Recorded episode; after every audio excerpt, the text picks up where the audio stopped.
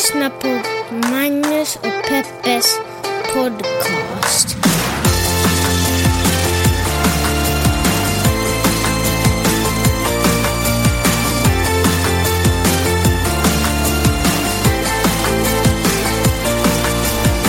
Hallå internet och hjärtligt välkomna tillbaka till podcasten som heter Magnus och Peppes podcast. Vi skulle ha kommit ut med en podd i fredags också, Fredagspodden. Nej, inte Fredagspodden utan vår podd i fredags. Nöjesfredag. Nöjesfredag, eller vad sa du? Ja, fan, en rolig podd på fredagar. Ja, jättekomplicerat. Det är synd att... eh, Hanna och Amanda har kidnappat Fredagspodden. och det är tur att man fortfarande får använda ordet fredag. Att inte det liksom på något sätt är helt förknippat. Brandat, liksom. Ja, brandat av någonting annat. Men det blev inte så, Peppe. Du har varit i Göteborg och jag har haft två barn eh, slitandes i mina armar och ben. Jag åkte ju premium class till Stockholm. Vet du vad det innebär? Nej, Det riktiga livet. är det så? Det är så, det är så är konstigt. det bättre än liksom first class transatlantiskt med något annat flygbolag? Nej, det tror jag faktiskt inte. Det här är ju ändå Norwegian. Ja. Men, eh, men det är så konstigt hur man blixtsnabbt slussas in i en samhällsklass som inte riktigt är ens egen. Okej. Jag intervjuade en, en författare som heter Marcus Stenberg som har skrivit en bok som heter Jag har inte råd, som handlar om hur han tar en massa sms-lån för att han liksom vill leva en livsstil som han inte riktigt har råd med. Och det kände jag verkligen när jag satt där i premiumklassen, slussades förbi alla köer, fick gå till loungen och dricka vin före avresan. Hur lätt det är att trivas i den klassen. Mm, Och hur lätt det är att börja se ner på alla andra människor. Ja, jag tyckte faktiskt att jag förtjänade att vara där. Och när jag åkte tillbaka var det Var du sådär, när du skulle gå till ehm, den här loungen och liksom, du vet, till flygplats, det är massa Ja, människor ja. som står där fram och tillbaka. Och du var såhär, men ur vägen! Ja, exakt jag så ska fram jag. här nu, Ja. jag ska till loungen. Ja, ser ni inte det? Ja. Kan inte och köpa er när jag, väl, när jag väl kom till loungen kände jag att alla ser att jag är en bluff som inte riktigt hör hemma där. Så jag försökte, jag försökte liksom eh, gå bestämt rak i ryggen, men ändå tänkte jag att de ser, de ser att jag inte, det är inte min plats egentligen. Mm. Jag är bara en gäst i den här samhällsklassen. Och Vadå, se- Såg de svanktatueringen eller vad var det? Hej. och, eh, och på vägen tillbaka var premiumklassen fullbokad. Ja. Och så stod jag där och var så där, stod och tjatade vid gate. Jag var så att, men, men om det finns en no-show, men om det finns en avbunkning, jag kan betala för det här. Ja. Men det gick inte, så jag åkte vanlig klass Det tillbaka. gav ingen avsugning och sånt då? Nej men sluta! Nej, men bara- Nej men att det är herregud klart. Magnus, det där är ok- det där Du är, gjorde det alltså? Nej, Ett men- enkelt nej hade du sagt om du inte hade gjort det? Nej. Dåligt Peppe. Och ändå inte fick åka premium. Ja, så satt jag där och, och i min, den, alltså i den ekonomiklassen egentligen här hemma. Och fortfarande kände dig lite bättre än alla andra för att du hade åkt till Stockholm i premium. Nej, jag kände verkligen så att här hör jag hemma. Ja, okej.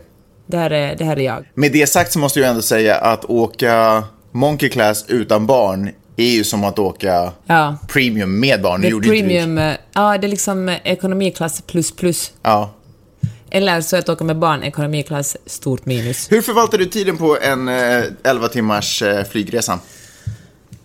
Hur får man tiden att gå? Folk är ju såhär, åh det tar så lång tid, hur ska man göra, jag orkar inte. Alltså det går ju fortare när man reser premium. Sajt reste premium på... Jag ska. Men eh, på vägen tillbaka var det så något fel på det nöjessystemet. Så de kunde bara visa TV-serier som du har sett när de kom ut och sett varje gång vi har åkt mellan Stockholm och... Okej, nu vet jag att jag klagar, men det var faktiskt... De har ju som, det är nog att säga, det sämsta med Norwegian, de aldrig byter ut sina, sitt nöjescenter. Så det var samma Friends-avsnitt som jag såg julen 2015. Okej, kan vi byta samtalsämne nu innan Nej, jag, jag vet blir en bara- för stor douchebag? Förlåt, jag fick bara sms från Puerto Rico och de är skitledsna för att det var gamla tv-serien som fortfarande rullade på flygplanet. Mörk dag eh, var det i söndags, om jag inte minns helt fel. Alltså, ja just det, för det var natten mellan lördagen och söndagen som eh, den här snubben eh, sköt sönder ett fönster på Mandalay Bay, 32 våningen och mejade ner närmare 60 pers på en countryfestival. Ingen har missat det, så jag fattar inte ens varför jag låtsas hålla på och rapportera om det här. Eh, berätta, vad tänker du? Jag tänker genast på mäns våld. Alltså, Mm. nu kommer folk bara “inte alla män, det här är en enstaka galning” och så beskrivs han som a lone wolf också i media. Och jag tycker det låter så... Det är ju alltid vita män. Ja, de är alltid ensamma vargar. Men det låter också romantiserat på något sätt, att en ensam varg, vet du. Det känns som Lucky Luke eller Marlboro-mannen som går sin egen väg. Liksom. Och sen är det ju uppenbart en sjuk människa som gör någonting sånt här. Men jag tycker att man inte bara kan avfärda det och säga att det är liksom en, en dåre, en galning, utan man måste också fundera på att varför föds det som är dårar och galningar? Hur liksom, vad gör vårt... eh, För han är ju, det är ju ett extremt, extremt, extremt våldsamt och galet beteende, men det finns, vi lever ju i ett väldigt våldsamt samhälle och tydligen börjar de här massskjutningarna bli allt större och allvarligare. Det händer liksom, det här är ju den tredje jättestor masskjutningen bara på några, på liksom några få år. Och det är den största i USAs moderna historia. Men exakt. Och eh, man kan inte bara avfärda det med att säga att ja, det var en ensam dåre, nu går vi vidare, utan vi måste se på, ja, vi måste se på orsakerna. Varför är män våldsamma? Varför leder det här? Vi måste se på vi måste se, varför är det så lätt att få tag på vapen? Jag tycker att en ganska enkel sak är att helt enkelt eh, det löser såklart inte problematiken med mäns våld med att om man gör vapen lite mer otillgängliga och på något sätt inte romantiserar vapen så, eller att bära vapen, så är det liksom ännu kanske ett stort steg. När jag kom, när jag kom till eh, tullen igår i, i, här på LAX så började jag snicka snacka med den här eh, tullmannen. Man är ju alltid lite rädd för dem, man vill verkligen inte säga för mycket eller fel saker, för de känns som de har enormt mycket stor makt om man kommer in i landet överhuvudtaget. Han, var, han, han såg ganska han såg trevlig ut, så vi pratade lite om, om eh, om det som hände i Las Vegas och uh, han tyckte det var viktigt att man ska se på olika sorters media. Han sa att han själv följer med BBC för han tycker att, att uh, de, har så, de är så... De, om man tittar på MSNBC eller CNN jämfört med Fox News så är det som det skulle vara två helt olika incidenter som har, träff, som har, som har skett. Men så, så klappade han på sitt vapen, de har ju alla liksom ett handvapen, så han klappade på sitt vapen och sa att därför går jag aldrig någonstans utan det här vapnet. Man måste, kom ihåg, du måste alltid, hela tiden vara på din vakt. Vad som helst kan hända när som helst. Och att gå med en sån paranoia, att gå omkring och vara rädd och gå och bära vapen hela tiden, det kommer ju inte att göra våldsdåden då den färre. Det är liksom, ja, det är något väldigt skumt i den här kulturen. Och det var ju säkert ganska, en del personer som hade vapen på den där festivalen. Ja, men vänta, de har metalldetektorer så det får man ju inte ha. Nej. Ja, förlåt. Men, men vilket fall som helst, åtminstone så vakter och sådana saker och det hjälpte ju inte. Nej, precis. Det hjälpte ju ingen. De hade ju hittat den här mannen på 32 våningen genom att, genom att eh, brandalarm hade gått igång, för när det skjutit hade kommit så mycket Ah, rök det ut hans automatvapen att eh, de hade gått igång. Men då hade de liksom också, de visste inte exakt vilken våning det var, så den här SWAT-teamet hade gått från gått igenom systematiskt liksom, de högsta våningarna, rum för rum för rum för rum, tills de hade hittat honom. Då hade han redan tagit livet av sig själv. Jag tycker det är obehagligt att, att frossa i sånt här, att gå in på detaljer, men samtidigt så är det måste man ju säga att det var ändå ganska snabba. Han höll på i, ja, eller snabba och snabba, men att få in ett jättestort SWAT-team på liksom mindre än 10 minuter är väl ändå... Det är ju en jävligt lång tid för en person att skjuta, men att uh, få fram liksom ett stort SWAT-team är ju också, på en sån tid är det ju snabbt. Jag är ju mest upprörd över att det här inte, att de, ingen har pratat om en terrorist. Utan Nej. att man pratar om en vit En man och försöker, ja. man försöker förstå det här. Det är så, det, jag är så imponerad över hur amerikansk media försöker förstå vad det är som har hänt. Eh, och till, jag tror till och med att det var SvD som var sådär, bilden håller på att klarna nu. Alltså, vad snackar vi om? Det här är ju en terrorist. Och dessutom så har faktiskt IS tagit på sig det Jag här. läste också det. Men man ändå ser man så här, ja fast de brukar ju IS ta tar vad de får. IS tar vad de får, men hade det här varit en mörkhyad person, eller du vet med något arabiskt utseende eller liknande, som hade stått där uppe och, och skjutit, så då hade ju ingen, liksom, man hade inte hållit på på det här sättet och gått till den här liksom, stretchen för att försöka förklara att det här bara var en lone wolf som, som eh, och ingen förstår hur det kunde hända. För det är också så här, alla, alla runt omkring honom i familjen är så här, "Ah, hur kunde det här hända? Det här var ju bara en vanlig... Han var ju trevlig, han var är vanlig vit man. han var miljonär, han åkte på kryssningar och brukar gå, ibland gå på kasino och spela pengar, bort pengar och sådär. Så, Och, han hade, och så här sa hans bror, bror, jag måste säga att de intervjuade hans bror som bor i Flo- Florida, han berättade hur, hans, hur eh, den här gärningsmannen hade köpt en massa cookies åt deras 90-åriga mamma och, Mm. och sa så här att eh, han, ha- han, hade ju inga, han var ju ingen vapensamlare, han hade ju bara de där vanliga vapnen, bara några vanliga handvapen och kanske en, en rifle, vad det är, Ja. ett gevär.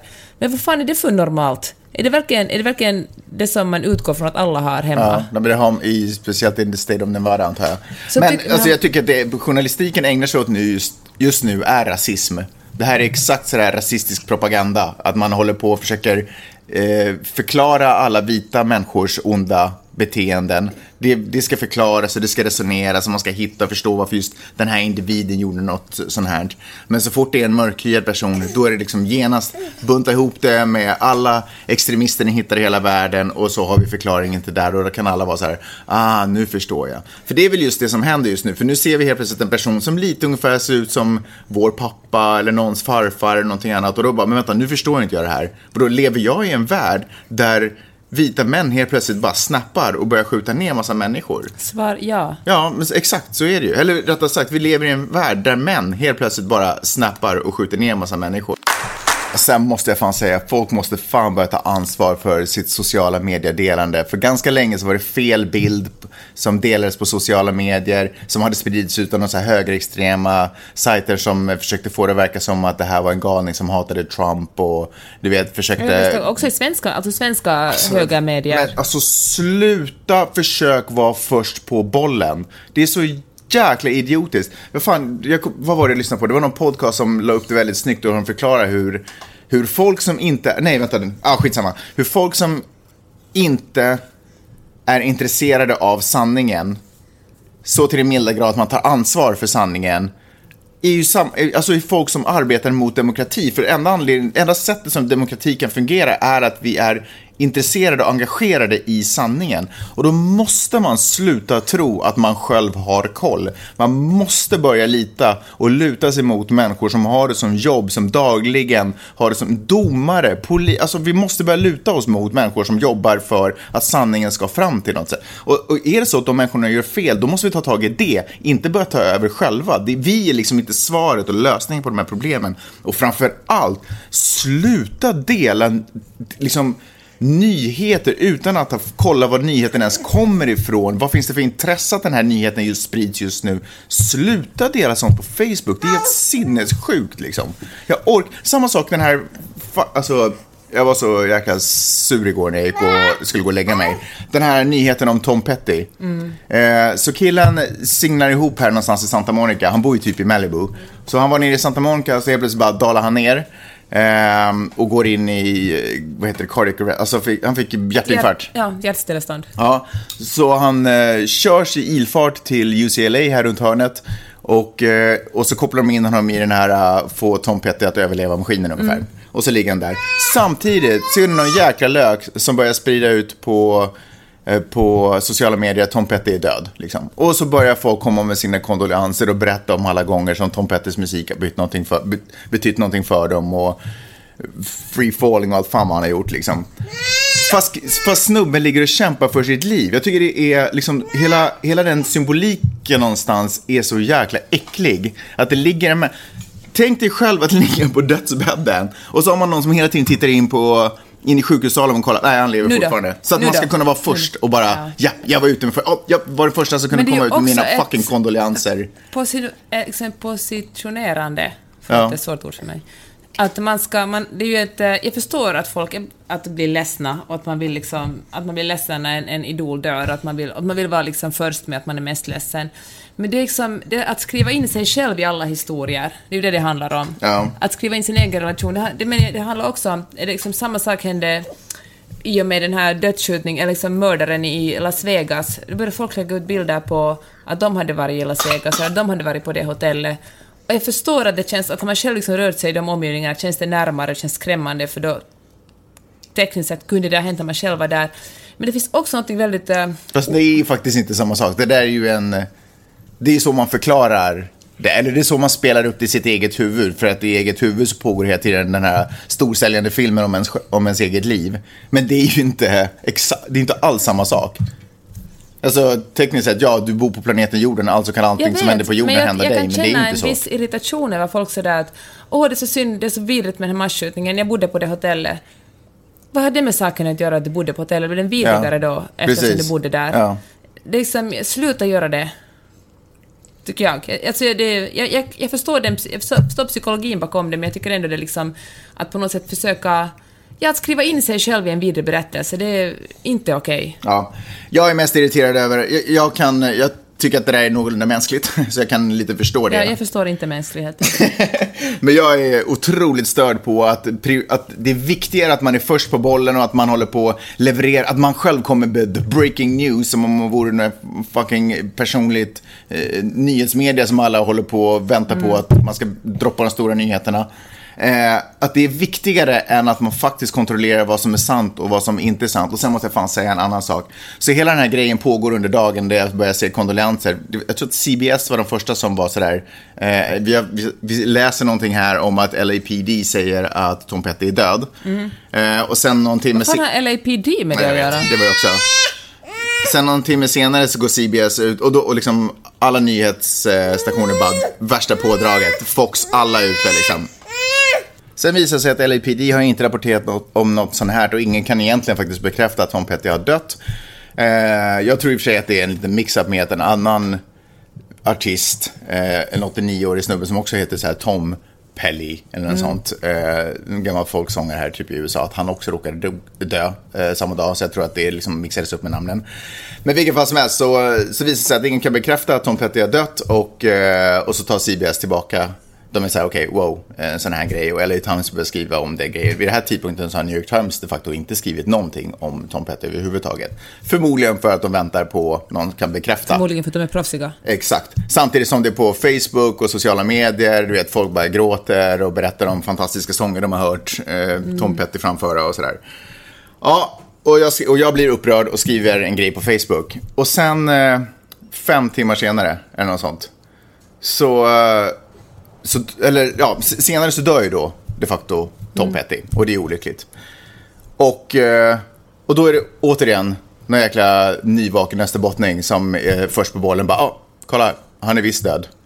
Mm, mother effer, det var fem timmar sedan det här. Du har legat och sovit under hela den här tiden som folk håller på. Jag tycker hela den här frustrationen, att man hela tiden måste pressa, bara, oh, jag vet, jag kan någonting, jag vet någonting, det här är det senaste, det här är vad jag har hört.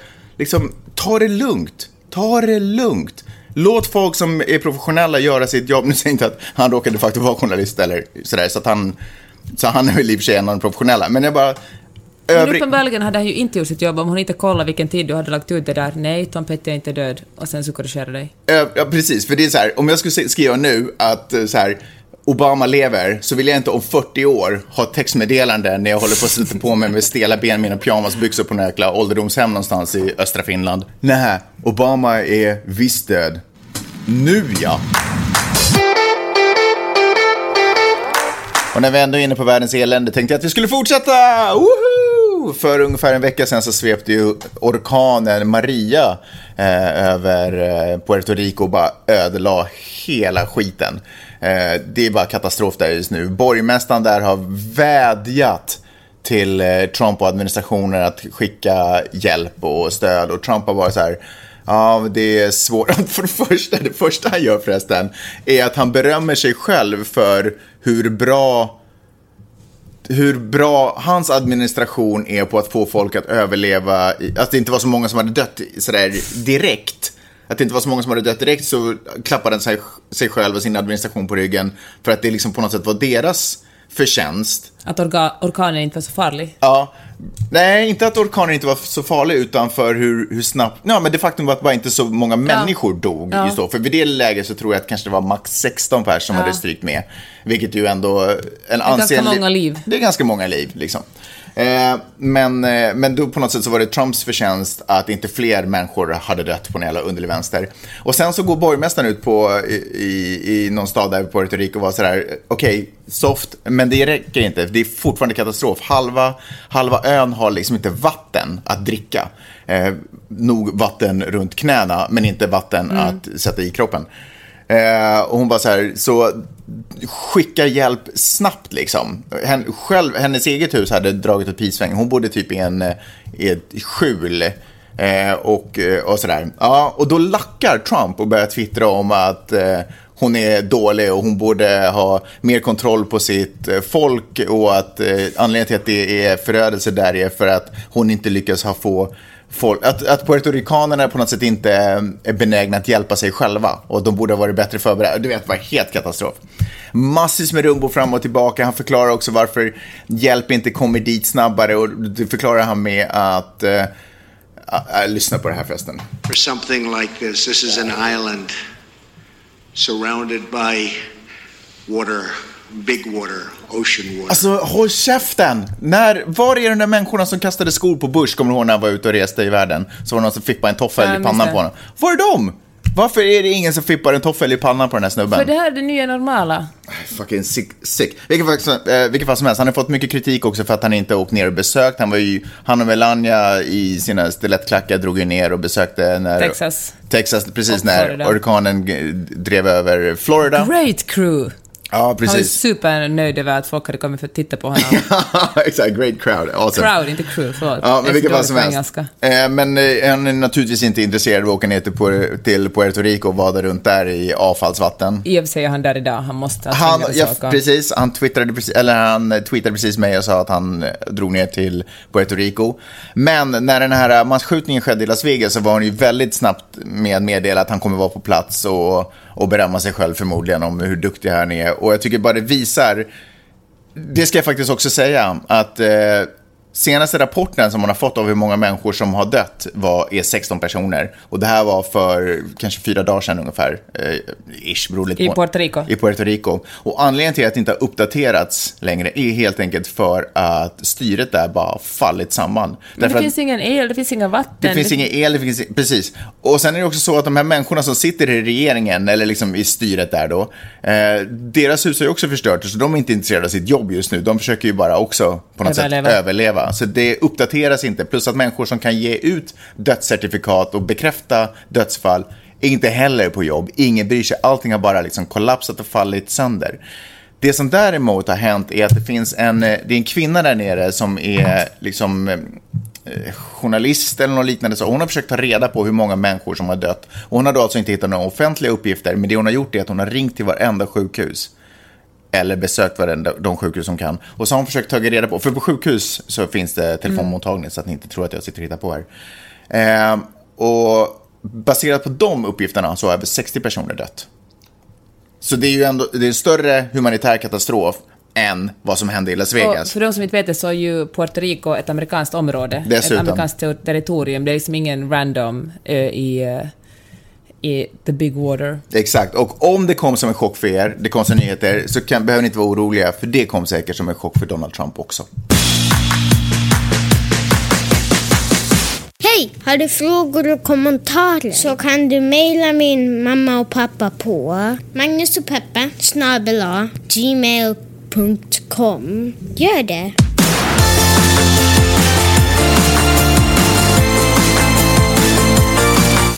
Ja, gör det. Dela med er av vad ni tycker och tänker, vad ni känner, vad ni funderar på, vad ni inspirerats av eller inspireras av. Det var ju exakt det jag sa. Eh, skicka in magnuspeppesnabelagmail.com. Det är så himla roligt att, att läsa vad ni tycker och tänker. Och om ni har frågor, du vet, det är dit ni kör dem. Sen så vill jag ju också påminna er om att ni ska betala för den här podcasten. Ingenting är gratis. Eh, det är det nya. Lyssna på Trump. Ingenting är gratis. Allt kostar. Om du inte redan är asrik, för då får du redan massa sköna avdrag du kan göra. Eh, men betala gärna för den här podden om ni lyssnar på den. Ni kan göra det på två olika sätt. Ni kan eh, antingen prenumerera 2,80 i månaden, euro, alltså cirkus För åtta avsnitt. Ja, cirka 20 kronor. Eh, noll kronor egentligen. Eh, för vadå? Åt, ja, precis. Mellan, allt mellan, vad kan man säga? Allt mellan fyra och åtta avsnitt i månaden. Någonstans Beroende på hur mycket jag är ute och reser. Beroende på hur mycket du är ute och reser, precis. Eller så kan ni betala per avsnitt och då går ni in, eller i båda fallen så går ni in på janetteochman.com. I högerbalken hittar ni två Paypal-symboler och en av dem är också möjligheten att betala per avsnitt och då väljer ni hur många avsnitt som ni helt enkelt betalar för. Det uppskattas otroligt mycket. Vi gör det här för er och om ni tar emot det så då pröjsar ni också. Precis som vi pröjsar för saker vi ta emot. Vi betalar till exempel för mat, vi betalar till exempel för tak över huvudet eh, och massa andra saker som vi behöver i våra liv. Eh, vi betalar inte för den här podden, det ska jag faktiskt erkänna. Det gör vi faktiskt inte. Men ni som har betalat, otroligt stort tack för ert stöd. Eh, och eh, det betyder ju naturligtvis otroligt mycket att ni gör det här för oss. Jag satte till och med handen på hjärtat så, så att Peppe kunde se hur mycket jag verkligen menar det här jag säger. Vi kör vidare. Är du med? Peppe, du ser helt bäng ut i huvudet. Du eh, har ju festat i en vecka, du är inte jetlag. Det, det, alltså jetlag är ju en bra, det är en bra, vad heter det, ett bra alibi på att vara skitbakis. Jag är faktiskt jetlaggad. Men du har festat mycket? Jag har också gjort det. Mm. Jag tänker så här att åker man hela vägen till Sverige kan man inte lägga sig och sova hela den veckan. Nej. Då får man ju liksom maxa, maxa festen. Ja, fest, festen på bokmässan. Och vad är ja. party än bokmässan? Alltså, Okej, vänta, herregud. nu kan jag bli imponerad. Vet du vad den första var jag träffade när jag steg på tåget i Stockholm åka Ja. till Göteborg? Håll i dig. Ja, E-Type. alltså det är stort. E-Type hjälpte mig med väskan. Och du, eh, och du visste vem det var när han hjälpte dig med väskan? Nej, men Så stort var det. Så stort var det. Karin verkar lite imponerad. Så Ja, tänkte, men hon är den generationen. ja. I alla fall så fortsatte det Adam Alsing, som tydligen är radiopratare i Stockholm. Mm. Träffade honom. Janne Josefsson satt bakom mig på galakvällen. Camilla Läckberg. Alltså med ryggen, ihåg ba, mig. alltså ni satt rygg mot rygg? Nej men han satt bakom mig i en rad, man satt på stolram mot Ah, scen ja, ja, liksom. okej. ja. Och eh, Störde han mycket? nej, han var en, pratkvarn måste man ju säga Ja. ändå. Höll på att prata mitt under presentationen. Men han, är, han, är ju, han gillar ju sin egen röst, det har man Ja, märkt. det kan man ju lugnt säga. Och mest av allt hängde jag ändå båda kvällarna, både fredag kväll och lördag kväll med Ted och Kai. Det är stort. Det är stort, Peppe. För er som kanske inte kommer från Svenskfinland ska jag berätta att Ted och Kai är eh, radiopratare, de är podcastare, Kai är en känd författare och eh, Ted har också gett ut böcker, liksom kanske mera humoristiska, skojiga ordböcker. Och, eh, och nu har de gett ut en ungdomsbok tillsammans. Och jag vill också tillägga att de är min räddning. Vadå? Eh, därför att jag eh, ha, hade, har ju, eller hade en kollega i, eh, i Helsingfors som heter Peter Westerholm. Vi gjorde mycket radio tillsammans. Och, eh, och samtidigt som jag gjorde radio där så fanns det två riktigt gamla människor som, som var på liksom gammelmansradio där. En radiostation som heter Vega. Eh, varför, varför, ja, skitsamma. Eh, och de, de brukade träffas var typ en gång i veckan i radion och så brukade de dra vitsar med varandra ungefär. Någonting åt det hållet. Och mitt och Petskis öde var, eller mitt och Peter och Petskis, eh, mitt och Peters, eller Petskis öde, det var att vi liksom, vi kommer bli dem. Ja, ni höll på, ni satt i en segelbåt och det blåste jättehårt mot Stefan och Staffan. Ja, exakt. Eh, men eh, lyckligtvis så träffade jag dig och, och hamnade här. Och jag menar, det är tråkigt att inte jobba tillsammans med Petski längre, men, men på något sätt så, nu är kursen inte satt åt det hållet längre om vi säger så. Men Men det istället... fanns en annan båt bakom mig. Ja, men bakom oss så satt nämligen Ted och Kai. och, och har gjort liksom, jag skulle säga att de kanske är på en annan nivå, inte för det, de här männen har ju också skrivit böcker och saker, men de här killarna är precis prisbelönta, eh, satt upp teaterföreställningar, otroligt populära föreställningar. Eh, men, men ändå. Eh, alltså, eh, får man säga, alltså de är ju barn av en generation. Alltså, Stefan och Staffan eller Ted och Kai. Eh, Båda två faktiskt. Och det här är ju det som är problemet med två lustigkurrar på något sätt. Det är att de har ju sin publik. Eh, Den här publiken växer upp tillsammans med dem. Det fylls hemskt sällan på underifrån. Om du förstår vad jag menar. Att det kommer inte upp en ny generation som är så What Stefan och Staffan? Those dudes are the shit! Jag vill säga att Karin tyckte att Ted var den roligaste personen hon har träffat Ja. i hela sitt liv. Absolut, och Karin är ju 15, så hon vet ju vad hon pratar om. Så absolut, hon är väl regeln som bekräftar, eller undantaget som bekräftar regeln här. I alla fall. Så den första kvällen gick vi ut på ett sånt superofficiellt mingel. Och uh, superbra buffé. De hade ostronbuffé, bland annat. Mm. I alla fall. Och... eh, Jaha, wow. Ja, men det var ju otroligt med sashimi, olika, olika sillar och kla- äh, kallrökt lax, alltså verkligen top notch. Sånt som jag föreställer mig att man äter i Göteborg. Ja. Det är säkert så en slaskmat i Göteborg. Exakt. Ja. I alla fall, det var supergott.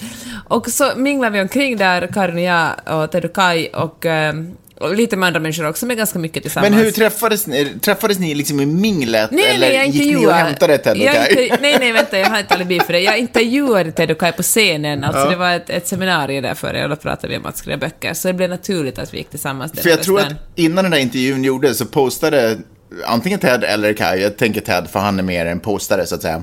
Eh, han postade en bild på Instagram där han skrev så här, de satt typ med en öl eller någonting i handen på sitt hotellrum eller Ja. något liknande. Eh, eller någon sån här terrass. Och så var så här, ölen typ innan, innan minglet. Nu ska vi ut i och mingla. Och eh, säga vad man vill om herrarna, men kanske mingla har jag väl aldrig förknippat dem med. nödvändigtvis. Ny kavaj eller inte. Ja. Så jag bara tänker, hur, hur, hur, liksom, hur hamnade Ja, ni i samma mingel? Gud, vad jag dissar dem. Ja, det är verkligen... ja, alltså, fast det är med kärlek, alltså det är med humor, Ja, tänker ja. jag. I alla fall, så satt Tycker jag. och minglade vi runt där, så i skede märkte vi att herregud, står ju bara och pratar med varandra. Ja. Liksom, det, Karin och jag, Karin var borta då och då, och liksom, jag kanske såg någon bekant då och då, men mest stod vi pratade med varandra. Mm. Nu får vi fan ta och skärpa oss. Och eh, så frågade jag Ted, vem skulle du vilja träffa på den här minglet? Finns det någon som jag kan hjälpa dig att träffa? För att inte bara, ja, bra. Och så säger jag... elitistiskt egentligen. Jag var superelitist, men jag försökte verka lite världsvan och sådär. Ah, okej. jag, har, jag var det på grabbar. för... Nu Är går, det vi ut och, nu går vi ut och minglar lite. Vem, vem vill ni träffa? Säg, säg, ge mig en bokstav. Och så råkar Ted säga Emma Frans, som har kommit ut med en bok som heter Larmrapporten, att skilja vetenskap från trams. Så Emma Frans är otroligt rolig på Twitter. Och nu råkar det säga att vi följer varandra på Twitter och jag hade träffat henne tidigare samma dag för att hennes eh, bok kom ut på samma förlag som Karin Gides och Peter Gides bok kom ut på förra året. Så vi hade träffats och pratat och så råkar Ted säga Emma Frans, jag bara nevas problemas. Hon står där borta. Ja. Och då hade jag liksom talat med henne, vi hade liksom hängt en stund tidigare på minglet. Och så går jag fram till dem och så är jag bara, det här är Emma Frans, hon har kommit ut med en bok, det här är Ted och Kai, de är liksom superduktiga, skriver böcker, gör podcast och det ena och det andra. Och Ted tyckte att han gillar ju henne supermycket, så han började berätta en jättelång historia om hur han eh, gjorde så att hon blev intervjuad på Svenska Yle. Som man gör med folk som man tycker jättemycket om. Men sen var det någonting som hände. För sen sa När historien var klar, eller? Ja, Ja. sen sa ingenting någonting mer. Alla bara liksom stod så desperat och försökte hitta på någonting att säga. Men ingen bara sa någonting, så vi stod där alla fyra och stirrade på varandra. Och det var så otroligt awkward. Och jag försökte så desperat. Men alltså det, det, det, det liksom... Och Alltså, så kände jag så här, är nu liksom collateral damage? Kommer det här awkwarda tystnaden att leda till att eh, Emma Frans och jag inte längre är vänner? vadå? Men vad, vad säger du? Att, försöker du säga att Ted har möjligen förstört din eh, kontakt med eh, Eva Frans? Det finns en sån... För att det var så otroligt awkward. Alltså jag måste ju kolla om, det här måste ju, för Ted och Kai har ju precis en podcast de också. Eh, så det här måste ju de ta upp i sin egen podcast. Jag ska kolla när de har kommit ut med sitt senaste avsnitt. Vi ska se, september... Idag! Idag kom de ut med ett, ett nytt avsnitt. Vi måste lyssna på det här och se om de, om de pratar. Om de inte pratar så är det en cover-up, eller hur? Känner att jag ändå måste tillägga att om ni undrar, om ni behöver en podcast till att lyssna på så ska ni verkligen lyssna på Ted och Kais podcast för den är verkligen superrolig. Och eh, det, Det är är... verkligen som man frust skrattar till. Frust skrattar, ja, Ja. precis. Frust skrattar. Ja, så ser vi på finlandssvenska. Ja. Eh, superbra. Eh, det är den och egentligen The Daily som jag lyssnar på. Mr Heff, icke att förväxlas med Mr Hoff, har... eh, The Hoff. The det är Hoff. bestämd form. Anyways. Hugh Hefner, Huge Hefner, Hugh Hefner har eh, inside info där tydligen. Ehm, drog till de sälla jakt- jaktmarkerna. En man som har hyllats för att eh, på under 60-talet ha bidragit till frigörelsen av kvinnans sexualitet. Vad säger du Peppe? Men, men herregud. Vad säger du? Alltså, han är ju en, ett gammalt asshole som bara utnyttjar kvinnor för att bli rik. Det är ju det enda man kan säga om honom. Jag vet att, jag vet att folk har fått många argument där att åh, han var så bra för hbtqi-rättigheter och han eh, var så bra för kvinnors eh, frigörelse och det ena och det andra. Bullshit! Bullshit? Eller, eller det var så bra artiklar i hans, eh, i hans magasin. Ja, men han tjänar, han tjänar bara en massa pengar på att utnyttja kvinnor. Men var det bara så? Var det bara så? Kan man inte vara ond och god samtidigt? Det är klart det, det är faktiskt alla människor. Eller hur? Och jag tycker att om det är så amerikanskt att tala om att man är ond eller god, alla människor är som du säger. Ja, fast, vi, fast, fast jag tycker ofta sådär, jag har hört en del sådär på sociala medier, varför refererar jag till sociala medier? Eh, om just Hugh, nej men herregud, Hugh, Så freudianskt av dig. Hugh du måste sluta Hefner. tänka på hans penis. jag tänker på hans persona. Eh, och då väljer man antingen sådär, ja men du vet, han var bara en snusgubbe som hade damer runt omkring sig och det var det enda han gjorde. Eller så väljer man, ja men han gjorde det här för kvinnans sexualitet och frigörelsen under 60-talet och bla bla bla bla bla. Det är aldrig liksom mixen. Varför får man inte vara ond och god samtidigt? Varför måste man alltid välja? Är man, eh, är man feminist, då är han bara dålig. Är, han, är man, är man eh, en snusk, är man en kåtbock så det var bara bra. Därför det börjar bli ointressant om man bara å ena sidan och andra sidan, å ena sidan och andra sidan.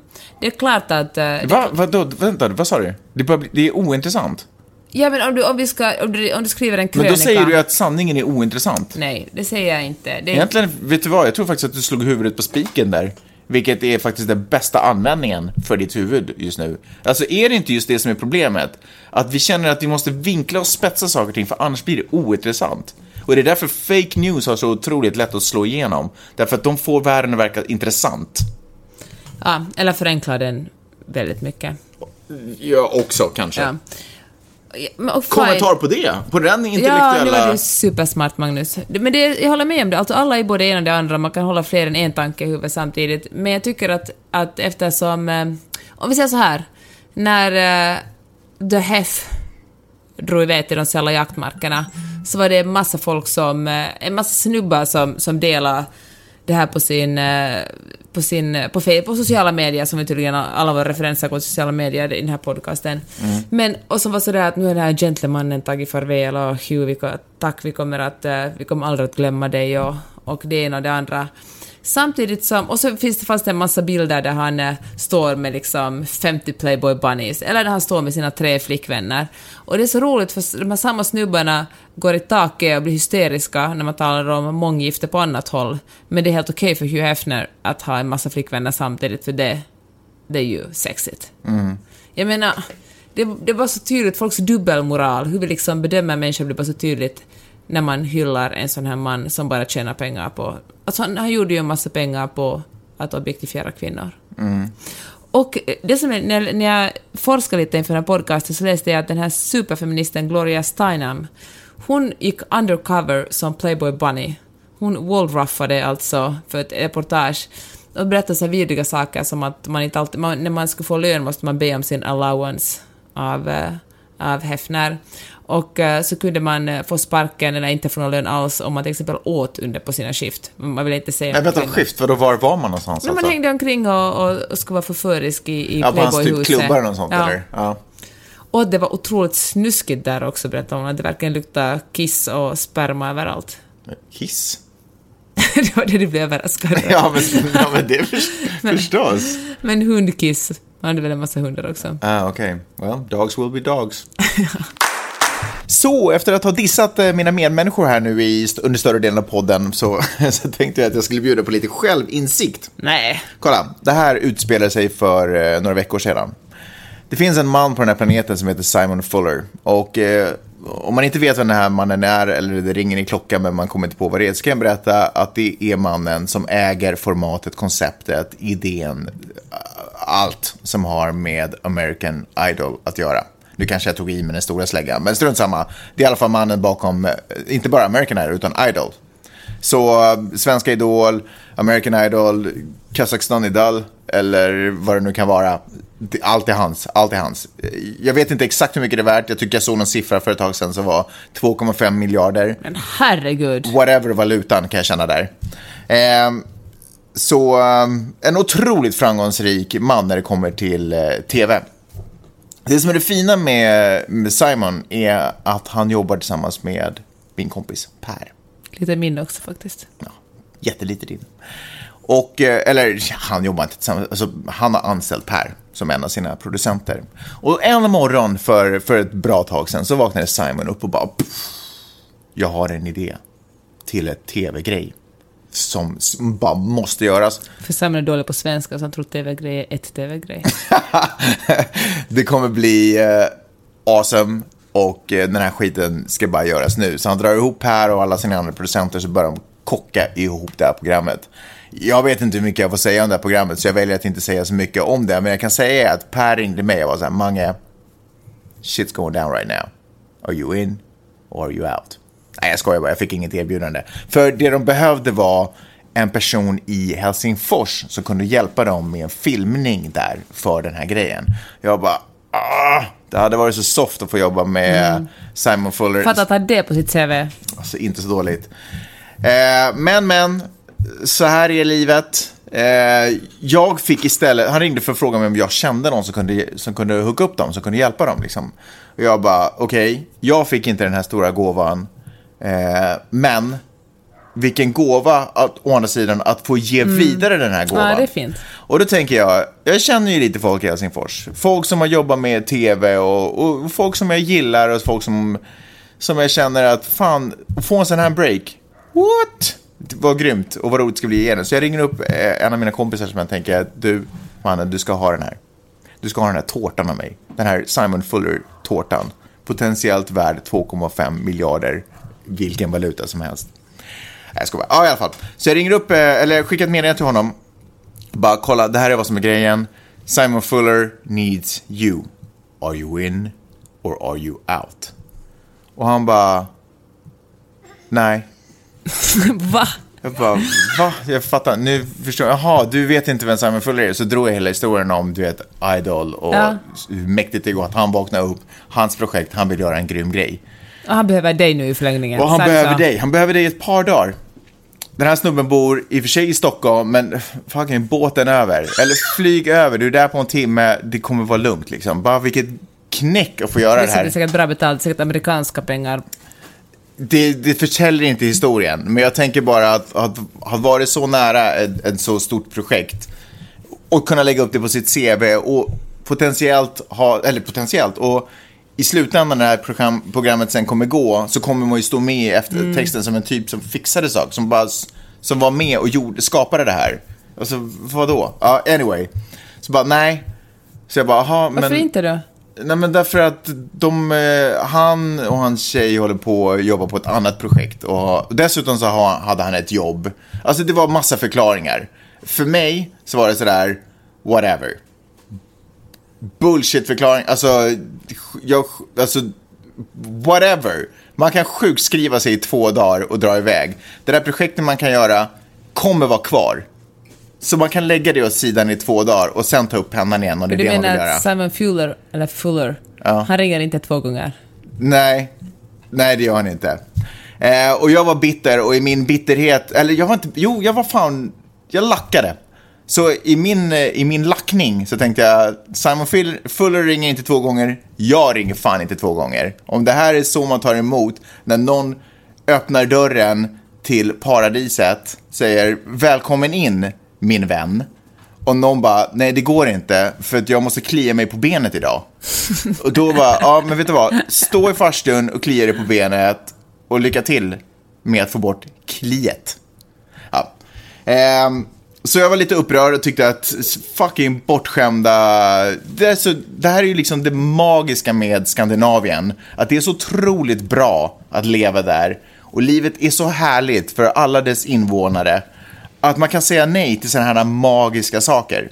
Därför att man behöver inte. Man kan säga nej av vilken anledning som helst. Man kan säga nej dels för att man inte har tid. Och man kan säga nej dels för att man inte vill eller orkar. Och så kan man säga nej för att man kanske inte vågade. Man kanske tänkte att det här, var, det här känns lite för läskigt, det här känns för lite på riktigt. Så, massa anledningar till att säga nej, men framförallt så kan man säga nej. Världen som jag befinner mig i just nu tillåter inte mig att säga nej till någonting. Om eh, samma gode vän Per skulle ha ringt och sagt sådär, hej, eh, jag jobbar med Simon Fuller. Jag bara, fan vad grymt. Ja, fast det här gäller inte det. Jag skulle vilja att du kommer torka mig i rumpan och du kommer få 50 dollar i veckan för det. Så skulle jag nästan vara lite tvungen att säga ja till det. Men bara för att det är Pers rumpa. Bara för att det är Pers rumpa. Jag vet att det finns en annan belöning att vänta där också. Nej, men i alla fall. Men bara det här att man måste, att jag måste säga, jag är inte i Men tror position... inte du handlar om att din kompis inte riktigt fattar vad det innebar? Ja, för att man lever i den där trygga och fantastiska världen. Så är det.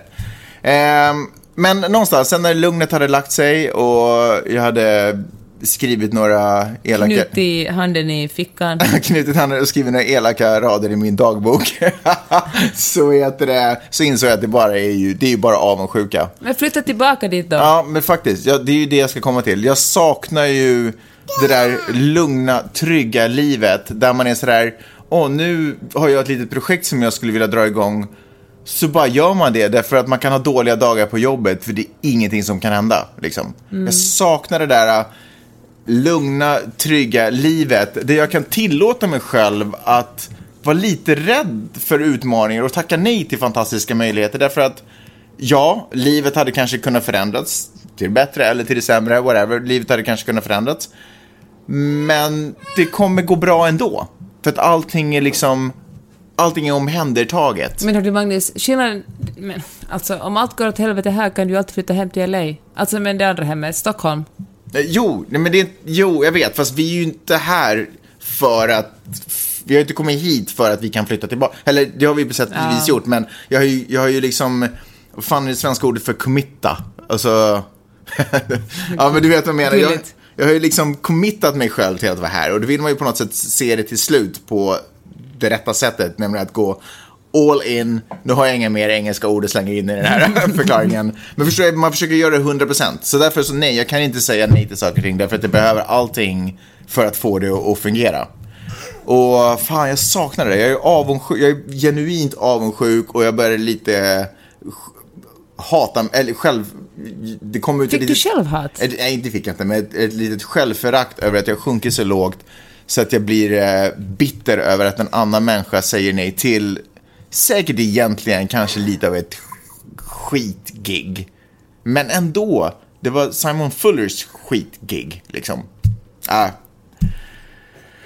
Ja, vet Vad är din lärdom då? Det, Vad tar du med dig från den här historien? det ska jag tala om för dig. Jaet har ju alltid hyllats som eh, ett möjligheternas ord, eh, förknippat med det vilda ungdomen, det, det glada naiva, det som, det som får saker och ting att hända. Och det får ju otroligt mycket cred, det här jaet. Men jag skulle vilja lyfta upp eh, ordet nej i fokus. Jag skulle, för folk som kan säga nej är ju trots allt människor som har kontroll över sitt liv. Det är de som kan säga nej. Förstår du vad jag menar? Ja. Och därför skulle jag vilja, jag skulle vilja hylla det ordet faktiskt. Jag skulle vilja hylla de människorna. Men är inte nej-sägarna också de som missar möjligheter, som missar äventyret? Ja, men ser du, nu är du där igen och hyllar jag. Det där är jag. Jag säger inte att det, man måste... Det, nu, nu snackar vi nästan uh, Hugh Hefner igen. Att man, det, det behöver inte vara det ena eller det andra. Man behöver inte vara en yes man eller en no man. Man kan vara en, lite båda. Liksom. En maybe? Nej. nej, man kan vara ibland är det läge att säga ja och ibland är det läge att säga nej. Men så här är det, om du inte har kontroll över ditt liv så tvingas du alltid säga ja och det är inte alltid bara positivt. Men har du kontroll över ditt liv, då kan du tillåta dig själv ett nej. Även till Simon Fuller. Det var allt jag hade bjudit på den här veckan. Det var underbart Nej, det var inte alls allt jag hade bjudit på den här veckan. Vi är tillbaka på fredag. Vi är tillbaka på Herregud, fredag. så- Vi är tillbaka Det- på fredag! Säger jag ju. Gud vad du är osympatisk. Peppe, det är så otroligt härligt att ha dig tillbaka på rätt sida av Atlanten. Gå och laga lite mat åt mig i så fall. Nej. Ah! Nej, det ska jag faktiskt göra. Så självklart ska jag göra det. Eh, hörni, gott folk, tack så hemskt mycket för att ni lyssnar. Det betyder ju naturligtvis otroligt mycket. Om ni gillar det vi gör, så eh, sprid ordet. Gå in och prenumerera. Se till att ni prenumererar, se till att er granne prenumererar. Alla i familjen, absolut, alla ska prenumerera. Skriv gärna recension, du vet, betygsätt, allt sånt här som gör att eh, fler möts av vårt glada budskap. Eh, och vem vet, kanske du blir dissad i vår podd någon dag. Nej, jag skojar bara, det ska försöka undvika. Hörni, vi hörs på fredag, då är det nya bullar. Ta hand om er. Hej då! Hej då!